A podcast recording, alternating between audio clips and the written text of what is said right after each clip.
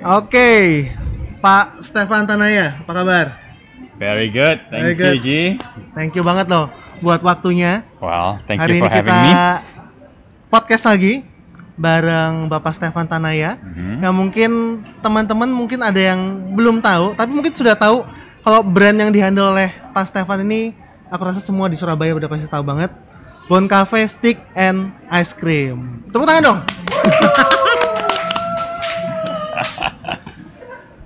Rasanya aku nggak usah cerita lagi deh sejarah panjang lebar Bon Cafe ini udah 43 tahun. Iya. Wow, luar biasa. Saya belum lahir udah ada Bon Cafe. Pas Stefan juga waktu itu Wah, masih wah, nggak belum lahir juga. belum lahir juga. Iya. Sudah ada Bon Berarti Cafe. tahu kan umurnya? Iya. lebih muda ja- dari eh, itu. Umur jangan dibahas, Pak. Jangan, Nah, nggak boleh. ah. Jadi em, sebenarnya yang mau dibahas hari ini kita mau ngebahas soal kiat-kiat bisnis F&B Hmm. ala Bon Cafe. Oke. Nah, menurut saya ini khas banget nih Pak kalau ala Bon Cafe. Karena ini ada family business, Ya. F&B Mhm. dan lintas generasi. Nah, kan sekarang banyak banget orang bikin F&B business tapi sebentar aja udah limbung, udah keok gitu kan. Hmm. Nah, saya waktu itu kenal Pak Stefan tahun 2009 maybe ya. 2009, ya. Ya, itu pas awal-awalnya Pak Stefan Ya. eh, handle Bon Cafe juga ya. Betul. Nah, waktu itu sudah generasi di tangan Pak Stefan udah generasi ketiga, betul? Ya, ada tiga. Nah, itu boleh nggak ceritain gimana sih step by stepnya bisa estafet dari Oma sampai akhirnya ke Pak Oke. Stefan? Jadi started Bon Cafe sebetulnya setelah kuliah. Uh, apakah dari awal pengen lanjutin family business? Mhm. The question is maybe is yes karena lebih kepada dari kecil sudah lahirnya di Bon Cafe Gubeng. You oh know? iya, iya. Besarnya di Cafe. Bon Cafe Manya, ya kan?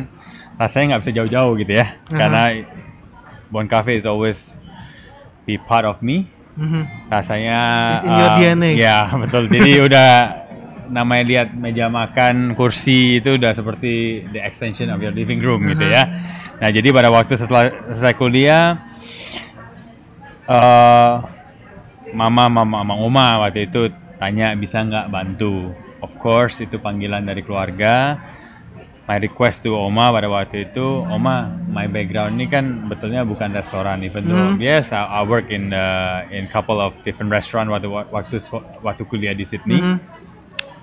tapi kan nggak pernah belajar lah ya mengenai restoran. So I ask uh, satu request ke Oma, bisa nggak sekolahin di restaurant management, Oke. which is di kita waktu itu ambil di Cornell uh, University di Ithaca, New York. Oke. Nah, setelah sekolahin sama Oma, balik dong, balik.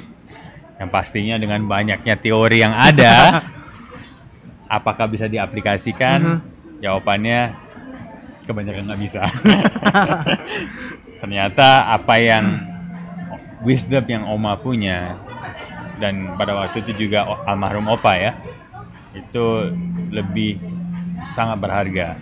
Yang kadang-kadang kita namanya masih anak muda lah, pingin Idealisme. pingin idealismenya Aha. tinggi, pingin buktiin kalau kita bisa. Aha. Saya rasa itu semua anak muda seperti itu ya. So that time pastinya eh pingin aplikasikan lah semua teori yang ada. Ternyata setelah beberapa kali gagal, dan baru saya tahu yang mana. sehingga akhirnya nurut juga. Oh ternyata Oma bener juga gitu ya. Opa bener juga gitu. Ya. So dari situ sebetulnya kita di family business itu perlu humble ourselves lah ya.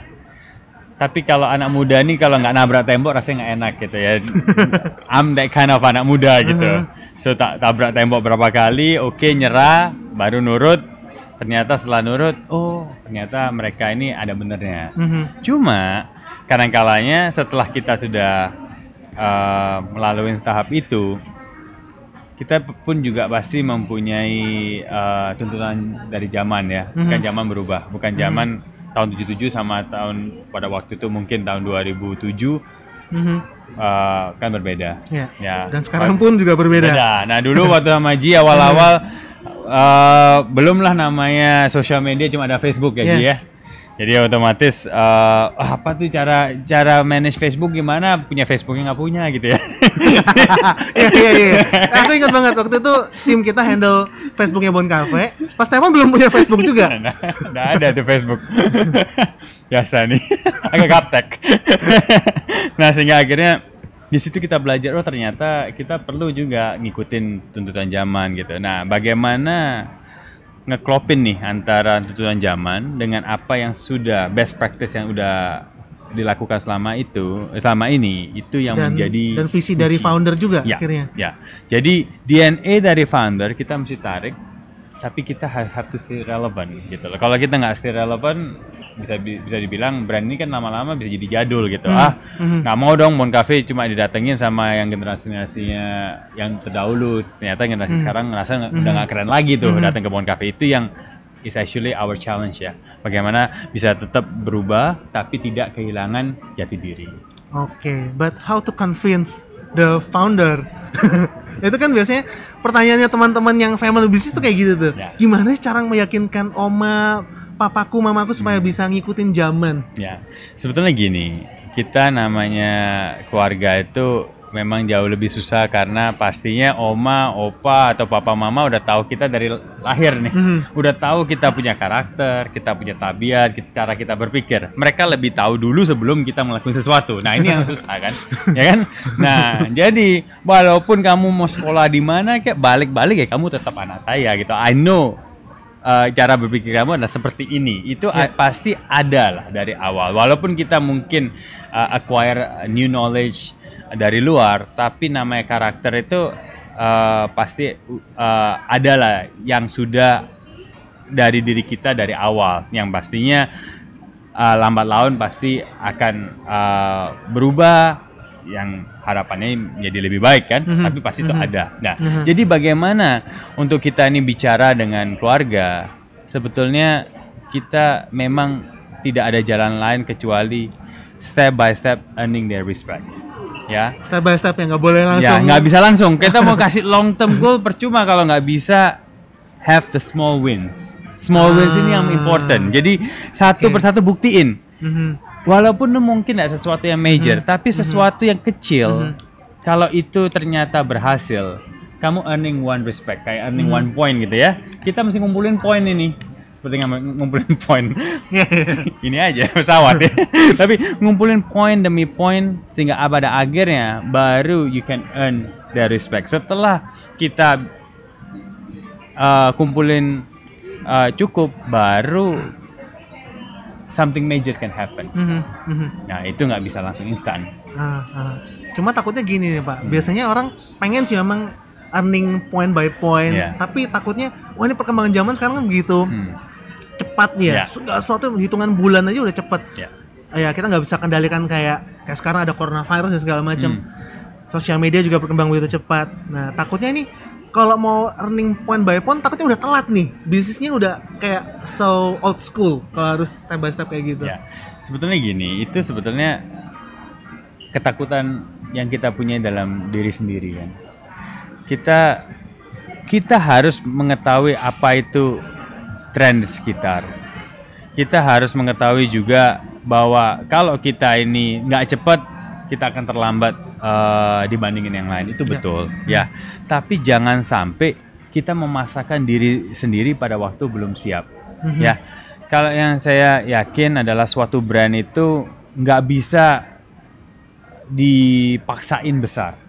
Suatu brand itu perlu di nurture seperti pohon. Itu kita mesti sabar dia dari biji, kita kita pupukin, kita siramin sampai Mhm. dia baru sprout.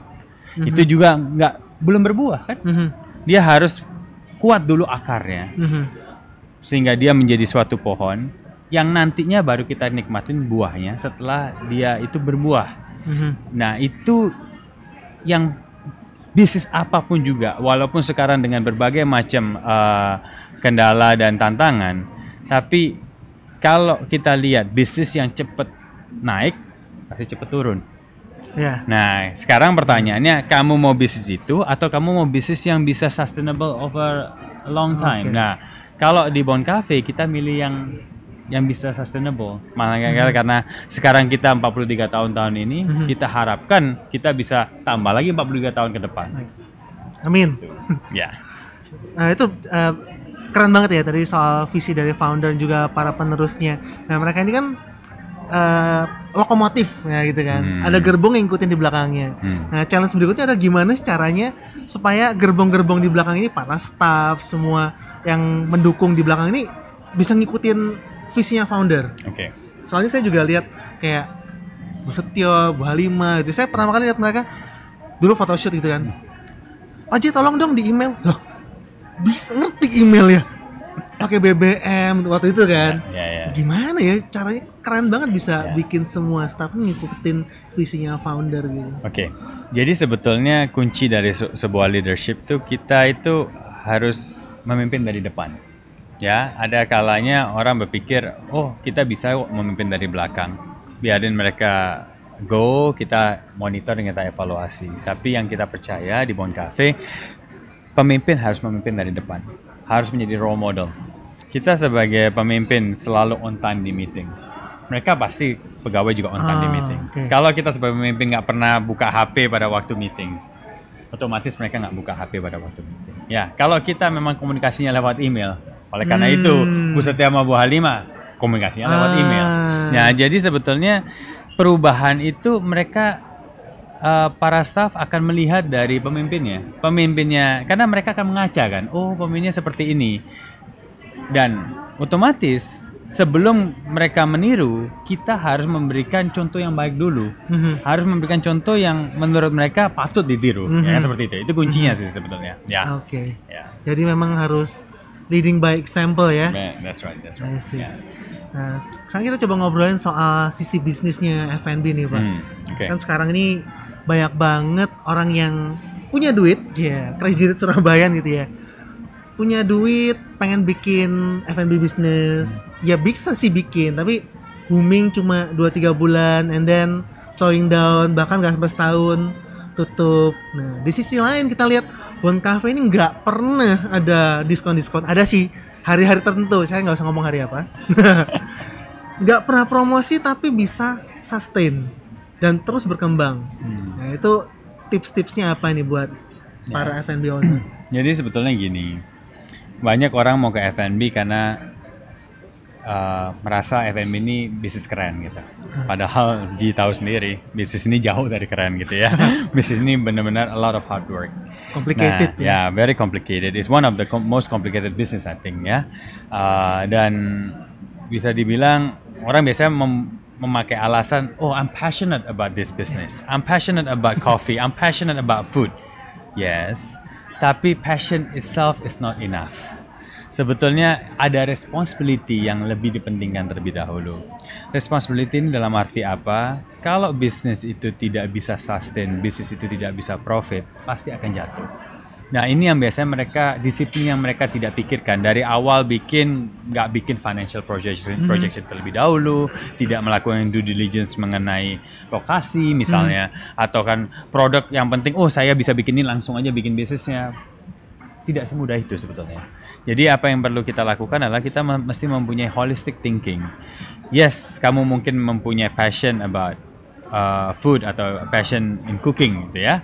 Tapi pada saat yang bersamaan kamu juga harus business savvy gitu. Mhm. Harus mengetahui cara berbisnis itu bagaimana, cara ngitung uangnya bagaimana, spending yang diperlukan gimana, bagaimana mengatur keuangan agar nggak bocor. Mungkin kamu bisa dapat tapi nggak bisa stop pembocoran. Itu kan juga hal yang yang perlu dipertimbangkan. Dan ini kan skills yang berbeda. Oleh karena itu biasa di F&B kita nggak bisa sendiri. Kita pasti mempunyai skills yang berbeda-beda Skill set yang ada berbeda-beda baiknya kita berpartner dengan orang yang mempunyai skills yang bisa komplement kita punya skills atau kita punya tim yang bisa membantu kita di mana di area yang kita kurang di situlah mereka akan fill the gap ya seperti Aha, itu aha. Ya itu memang sangat eh, membantu sekali ya kalau kita punya partner yang beda skill set. Jadi kalau misalnya ada yang hebat di kitchen, ada yang bisa cover di operational Betul. seperti itu ya. Tadi nyinggung soal partnership nih Pak, kan Hmm. Pak Stefan juga banyaklah berpartner dengan eh, rekan-rekan juga. Tipsnya apa nih supaya bisa dapat partner yang benar-benar klop? Hmm. ini kan. Gimana tuh supaya benar-benar nyambung? Kan banyak banget orang berpartner baru sebentar udah crash. Sebetulnya yang pertama kita mesti cari whether we have the same mindset atau enggak. Karena same mindset means do you also have the same value atau enggak? Itu yang terpenting. Mungkin value is number one pointnya, Mhm. number one keyword untuk kalau kita cari partner. Jadi kita mesti tahu kenapa kita do this business. Value apa yang kita cari? Apa yang kamu goal yang kamu inginkan keluar dari bisnis ini? Kalau itu nggak sama dari awal, kemungkinan kelas akan lebih banyak, ya. Mhm. Tapi juga seperti semua partner partnership itu seperti pacaran dulu ya nggak mungkin bisa langsung kawin Yeah, kalau yeah. nggak ngerti Yeah. oh kita do a small projects Ah, Ji, I we, we do so many projects together, right? Aha. Jadi yang penting yang penting pertama, oh kalau begini sama Ji gimana sih? Nah terus kita maju lagi satu demi langkah, Mhm. tambah lama, yang pasti namanya sudah menikah, ya loyal dong. Hmm, ya karena yang terpenting itu karena untuk dapetin partner yang pas itu nggak mudah. Ya. Yang mengerti uh, cara berpikir kita, value kita, dan akhirnya bisa mengaplikasikan uh, ke dalam kerjaan itu nggak mudah. Jadi kalau kita udah dapat itu, kita harus syukurin dan kita harus hargain dan kita make sure itu hard work seperti pernikahan kan, is a Yeah, hard work, it's a hard alright? Jadi itu harus kita maintain. Gitu. Aha. Red flagnya apa pak biasanya kalau red flagnya kalau Oh. berpartner itu kelihatannya yang wah kayaknya nggak cocok nih kayak gini nih. Hmm. Biasanya apa aja tuh? Wah, bisa macam-macam ini ya. Kali Ini bisa macam-macam. Karena yang terpenting sebetulnya gini deh. Eh, apa yang misal contoh, bukannya kita bisnis eh, melulu cari uang gitu ya. Tapi ada kalau misal orientasinya, wah kita mau cepat balik modal, kita mau cepat profit, habis itu exit gitu ya. Mhm. Sekarang kata orang kerennya gitu kan namanya nama juga dia bikin bisnis goreng aja nanti habis itu kita exit habis itu kita pindah bikin brand baru. Nah kalau partner kita memang punya pemikiran seperti itu dan kita enggak kemungkinan clash akan tinggi. Mhm. nah jadi di situ kita mesti samain persepsi dulu kita di bisnis ini untuk apa? Apakah kita mau exit in three years? Mhm. apakah kita mau exit in seven years? Atau kita memang mau make a long lasting business? Mhm, mhm. mungkin forever gitu. Aha. nah kita nggak tahu ya. Semua orang kan berbeda-beda. Ya, nah ya. semua semua orang punya berpikir eh, pikiran yang berbeda-beda. Nah ini yang harus di set dulu dari awal. Kalau memang itu sudah setuju itu lebih gampang. Karena itu akan menentukan segala macam dari segi investment, dari segi uh, produk, semua itu akan ditentukan dari pemikiran awal ini. Seperti itu. See. Ya ya ya. Waduh keren banget nih. Hmm. Baru sebentar aja udah dapat banyak ilmu-ilmu keren. Oke, mungkin berikutnya kita mau ngobrolin soal eh, ini deh. Kalau misalnya teman-teman mau bikin usaha atau bisnis F&B, kira-kira checklistnya apa dulu nih Pak? Buat yang startup, apa aja yang harus disiapin dulu? Oke. Di bisnis F&B itu ada kamu doing business F&B karena kamu mempunyai produk yang ingin kamu jual atau because you have the skills as a chef that you think it is sellable yang pertama yang kedua kamu punya lokasi yang cakep nih lokasinya bagus banget tapi F&B apa nih yang yang yang Aha. yang sesuai Aha. itu, itu juga So, juga lokasi ini bisa. penting banget Oh, kalau dia lokasi kan. sangat Sangat penting ya. sangat penting ya Cara Jadi- surveinya gimana Pak? Biasanya kalau lokasi? Wah, lokasi ini ya gini kalau memang lokasi kalau itu berarti kalau kita bicara oh kamu punya produk tapi mau cari lokasi sekarang itu ya itu harus kita pakepkan siapa target marketnya. Oke kita punya produk ini Ya. cocoknya untuk anak muda ataukah ini untuk family atau ini untuk uh, office workers. Nah dari situ kita bisa tahu nih oh kalau memang ini cocoknya buat office worker ya kamu mesti cari lokasi yang bagaimana yang mungkin deket uh, dengan office worker Mhm. seperti itu. Mhm. jadi jangan yang penting mesti bukanya di mall atau yang penting mesti bukanya karena yang lain suksesnya begini Mhm. terus ikut-ikutan. Wah, Mhm. itu yang berbahaya. Iya, iya. Kadang-kadang kita perlu disiplin. Hah. Kita punya produk apa, target market kita siapa, kita cari lokasi yang sesuai gitu. Dan juga yang pastinya harga. Karena Ah, rental iya. itu setelah HPP dari suatu bahan makanan yang terbesar setelah itu adalah rental. Kosnya adalah rentalnya. Rental, betul. Oke, itu dia ya teman-teman yang mau nyari lokasi itu benar-benar sangat menentukan ya. Orang bilang PMP ya, posisi menentukan prestasi. Nah tadi sudah disinggung soal, juga soal harga. Nah kalau ada yang bilang Surabaya ini wangel ya, sulit sekali kalau soal harga gitu. Tapi Bon Cafe nggak main di eh, promosi-promosi diskon seperti itu. Nah, gimana sih cara menyiasati nih supaya eh, kita sebagai pengusaha restoran tuh punya pricing yang yang bagus tanpa harus mengorbankan diskon? Ya, sebetulnya gini, eh, strategi menu pricing ini tidak semudah yang banyak orang berpikir gitu ya. Di Bon Cafe kita menggunakan eh, sistem namanya menu engineering. Jadi kita melihat bagaimana namanya bisnis harus untung, ya. Ya. Tapi konsumen itu juga nggak mau dibohongin. Jangan sampai kebanyakan ada beberapa eh, pemain restoran mungkin ya, dia up dulu marketnya, eh, up dulu pricingnya ke satu titik yang dia rasa kesannya mahal, habis itu Mhm. baru didiskonin gitu ya, supaya kesannya value for money. Yap. Tapi sebetulnya lama kelamaan kan customer juga tahu, dia kan pasti bandingin sama tempat lain, Aha. ya kan?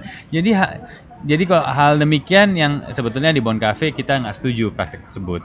Jadi apa yang kita lebih pikirkan adalah bagaimana setiap menu itu punya value masing-masing.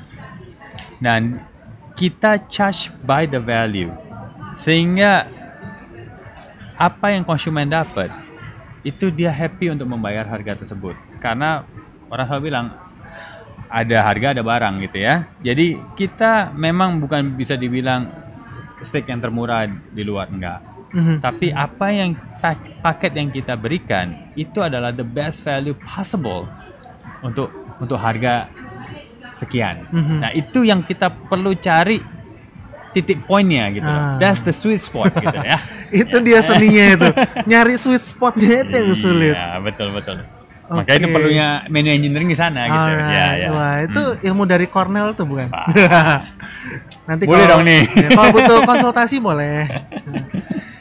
Eh, kemudian mungkin hal lain cukup berpengaruh kalau saya lihat di Bon Cafe juga eh, customer engagement ya benar-benar ada ikatan emosi gitu antara brand dengan customernya itu gimana cara Hmm. nurturingnya? Ya, jadi itu ba- banyak hal ya. Kita bisa bicara mengenai brand touch points di sini.